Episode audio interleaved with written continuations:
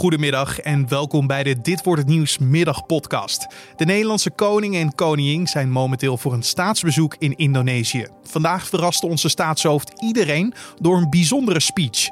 Hij maakte als eerste Nederlandse vorst excuses voor de Indonesische onafhankelijkheidsoorlog. Alleen er zijn heel veel verschillende meningen als het gaat om de waarde van deze excuses en ook de timing. Het is nu het moment om dit, uh, dit te doen. En nogmaals, voor sommigen is het eh, te laat, voor anderen is het weer te vroeg. Uh, maar ik denk dat het goed is zo. Dat was hoogleraar Algemene Geschiedenis Wim van den Doel. Ik heb vanmiddag uitgebreid met hem gesproken over deze excuses en de betekenis ervan. Maar voordat we daarna gaan luisteren, kijken we eerst kort naar het belangrijkste nieuws van nu. Mijn naam is Carne van der Brink en het is vandaag dinsdagmiddag 10 maart. Alle grote evenementen en de wedstrijden in het betaalde voetbal in Noord-Brabant worden tot en met maandag afgelast vanwege het coronavirus. Dat hebben de burgemeesters van Tilburg, Den Bosch en Eindhoven dinsdagmiddag laten weten. Het gaat om evenementen waarbij meer dan duizend bezoekers aanwezig zijn, zoals dancefestivals, beurzen en de carnavalsoptocht in Oosterhout. Deze maatregelen zijn genomen om de sociale contacten van Brabanders zoveel mogelijk te beperken en zo verdere verspreiding van het coronavirus zoveel mogelijk te beperken. 4% van onderzochte medewerkers van zes Brabantse ziekenhuizen zijn besmet met het coronavirus. Dat blijkt uit steekproeven onder de medewerkers van deze ziekenhuizen. De test werden zaterdag en zondag op verzoek van het RIVM uitgevoerd op medewerkers die milde luchtwegklachten hadden. En het RIVM liet de test in Brabantse ziekenhuizen uitvoeren omdat de bron van besmetting bij veel patiënten nog onbekend is. Wel komen veel van deze patiënten uit Brabant of hebben ze enigszins een link met de provincie. Het Openbaar Ministerie heeft laten weten dat er een verklaring is van een getuige die in 2014 in de buurt was van de veronderstelde afvuurlocatie van de boekraket waarmee vlucht MH17 is neergehaald.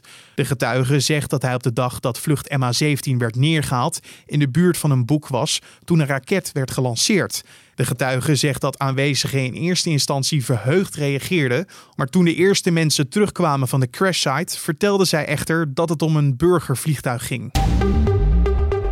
En dan over naar het gesprek van deze podcast. Koning Willem-Alexander bood vandaag tijdens een staatsbezoek in Indonesië zijn excuses aan voor het Nederlands geweld tijdens de Indonesische onafhankelijkheidsoorlog van 1945 tot 1949. Het is voor het eerst dat een Nederlandse vorst over deze kwestie excuses maakt. En zo klonk dat. In line with earlier statements by my government, I would like, I would like to express my and repeat regret and uh, apologies for the excessive violence on the part of the Dutch in those years. Om te weten hoe er op dit moment gekeken wordt naar deze periode uit onze geschiedenis, belde ik met hoogleraar Algemene Geschiedenis Wim van den Doel van de Universiteit Leiden. En ik vroeg hem hoe hij reageerde toen hij hoorde van de excuses. Nou, mijn reactie was dat ik onmiddellijk even echt teksten bij uh, zocht en uh, die heb gelezen.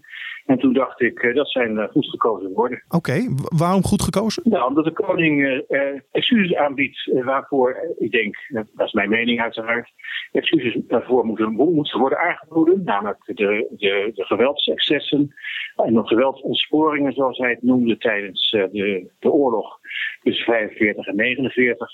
En hij biedt geen excuses aan. Dat is natuurlijk ook wel een beetje heel groot hè, voor het kolonialisme of voor de Nederlandse, Nederlandse aanwezigheid gedurende 3,5 eeuw uh, in Zuidoost-Azië. Ja, want de koning zei in een speech dat hij beseft dat de pijn en het verdriet van de getroffen families generaties lang voelbaar blijven. Hoe gevoelig ligt deze kwestie bij de nakomelingen van slachtoffers? Nou, bij nakomelingen van slachtoffers is dit nog steeds een, een belangrijke zaak. Maar je moet wel begrijpen dat in Indonesië er ook heel veel mensen zijn die, uh, ja, voor hen is het echt een verre geschiedenis. En uh, mensen die kijken ook liever vooruit, maar gewoon, uh, maar voor de mensen die het ja, aangaat, voor hen is het denk ik heel belangrijk dat wat de koning heeft gedaan. Ja, en hoe kijken Indonesiërs er tegenwoordig op terug, op deze periode van 1945 en 1949? Ja, voor Indonesiërs is het natuurlijk de geboorte van hun, van hun land. Hè? En, op 17 augustus 1945 heeft Indonesië de onafhankelijkheid uitgeroepen. Dat wordt elk jaar uiteraard gevierd, dus een nationale feestdag. Uh, en uh, dat de Nederlanders nog probeerden daar roet in het eten te gooien, ja, dat, dat vind je hier wel terug, ook in films. waar de Nederlanders nooit aan de goede kant staan, zeg maar. Hè. Het zijn toch de films zoals wij ze over de Tweede Wereldoorlog hebben, waar de Duitsers aan de verkeerde kant staan. Volgens verschillende belangenorganisaties gaat de koning voorbij aan vele kanten van deze gebeurtenis. Het geweld bijvoorbeeld op Indische Nederlanders en andere uh, minderheidsgroepen in Indonesië. En dan ook nog eens keer de tijd na de onafhankelijkheidsoorlog. Uh, het geweld wat daar uh, allemaal is gepleegd daarna.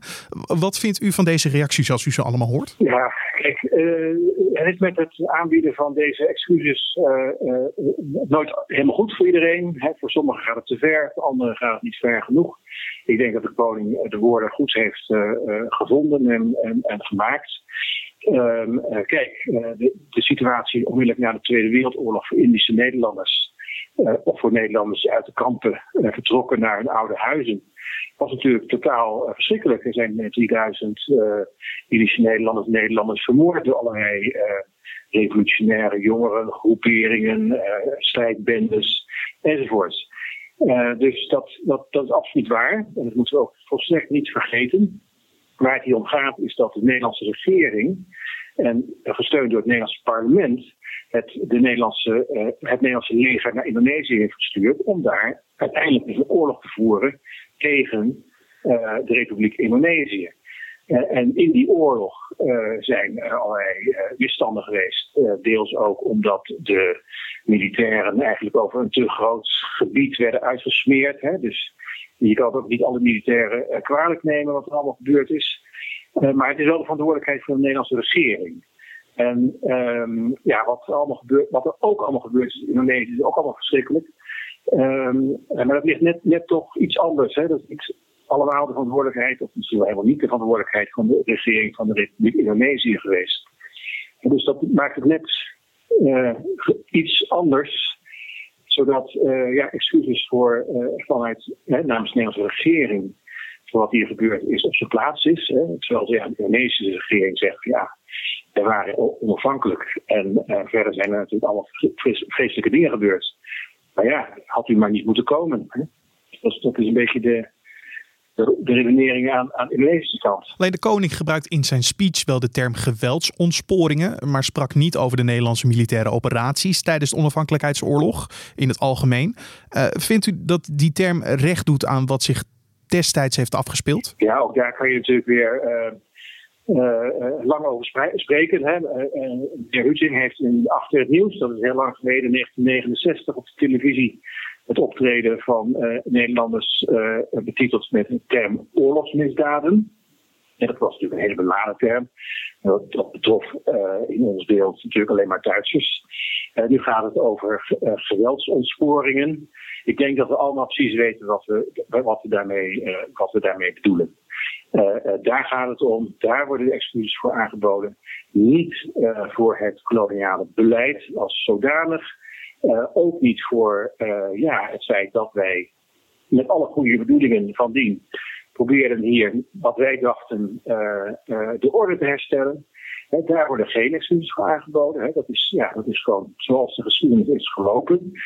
dat moet je eerder, denk ik maar, beter begrijpen dan dat je daar over schuld en, en boete spreekt. Maar die uh, geweldsontsporingen, ja, uh, ik denk dat die zijn uh, onder verantwoordelijkheid van de Nederlandse regering. En zelfs soms een opdracht van de Nederlandse regering hebben die plaatsgevonden. Nou, dan zijn daar excuses op zijn plaats. Maar vooral, hè, de koning heeft zich daartoe beperkt ook. En dat denk ik ook heel goed, uh, want uh, ja, anders wordt het eigenlijk ook een beetje uh, een zinloze exercitie. Nou, de Nederlandse regering heeft wel 70 jaar lang geen verontschuldigingen uitgesproken. waarom kan dat dan nu wel in 2020? Ja, soms, soms gaat daar tijd overheen, denk ik. Hè. Ehm, het lag natuurlijk in Nederland al erg gevoelig, omdat veteranen die uh, gevochten hadden in, in Nederlands-Indië. Ja, iedere vorm van, van uh, het aanbieden van excuses, dat vertaalden, zeg maar, ja, dan hebben wij blijkbaar een illegale oorlog gevoerd of iets dergelijks. Hè? Of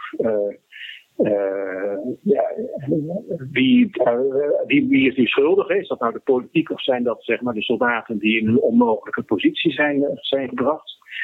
Dus dat lag allemaal erg ingewikkeld. En uh, ja, ik denk dat 70 of 75 jaar na dato uiteindelijk uh, is dat, dat, uh, dat, dat, dat, dat we die geschiedenis echt onder ogen kunnen zien. Daar gaat dus generaties overheen. Het NIOD doet momenteel nog wel onderzoek naar de gebeurtenissen in Nederlands-Indië. Dat, dat nog zeker tot volgend jaar zal duren. Uh, wat, wat vindt u dan van de timing dat nu al dan excuses aan worden geboden? Is dat te voorbarig? Je, je, het is nooit, nooit op tijd, het is te laat of het is te vroeg. Of het is, nou ja, kijk, zo, zo kan je een tijdje door, doorgaan. Ik denk, het is nu 75 jaar na de onafhankelijkheidsverklaring van Indonesië. Het staatsbezoek is nu en niet volgend jaar. Uh, nu is de koning in uh, Bogor. Uh, naast staat hij naast de president van de Republiek Indonesië. Dat doet hij volgend jaar niet. Dus ik denk, ja, het is nu het moment om dit, dit te doen. En nogmaals, voor sommigen is het te laat, voor anderen is het weer te vroeg. Ehm, maar ik denk dat het goed is zo. En zou dit een aanzet kunnen zijn voor een bredere discussie in ons land? Zoals we die ook hebben over onze slavernijverleden? Nou ja, volgens mij is die discussie al lang aan de gang. misschien niet onder het brede publiek, maar er, uh, zelfs in de koloniale tijd zelfs, waar, waar natuurlijk critici van het kolonialisme werd in Nederland over het kolonialisme, wat er goed ging en wat er verkeerd ging, werd daarover gesproken. Uh, je kunt de handelingen van de Tweede Kamer op naslaan sinds de 19e eeuw, waar er ook altijd uh, felle critici van het koloniale beleid. dus die discussie is eigenlijk nooit verstomd de heer Breeman, een hoogleraar in, in Amsterdam, heeft in de jaren tachtig gewezen op de misstanden in de plantages op Sumatra. Ook dat heeft een discussie weer laten starten. Ik denk dat die discussie altijd gevoerd is. En dat moet, dat moet ook. Hè. We moeten die discussie voeren. Dat is, dat is heel goed. Je hoorde hoogleraar Algemene Geschiedenis Wim van den Doel van de Universiteit Leiden. En dan nog even het weer. Vanavond en vannacht houdt de bewolking de overhand. Aanvankelijk vallen overal buien en later is het vooral in het zuiden nat. Morgen blijft het in het zuiden bewolkt en lang regenachtig. In het noorden is het vaker droog met soms wat zon en het wordt dan 13 graden. En omdat we aan het begin van deze podcast best wel wat berichten hadden over het coronavirus, leek het mij ook wel zo goed om daarmee af te sluiten.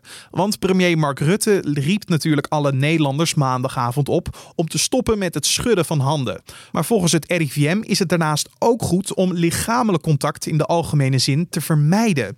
Dan moet je bijvoorbeeld denken aan drie zoenen op de wang. Het advies geldt voor iedereen, maar dat betekent niet dat je je partner geen kus meer mag geven.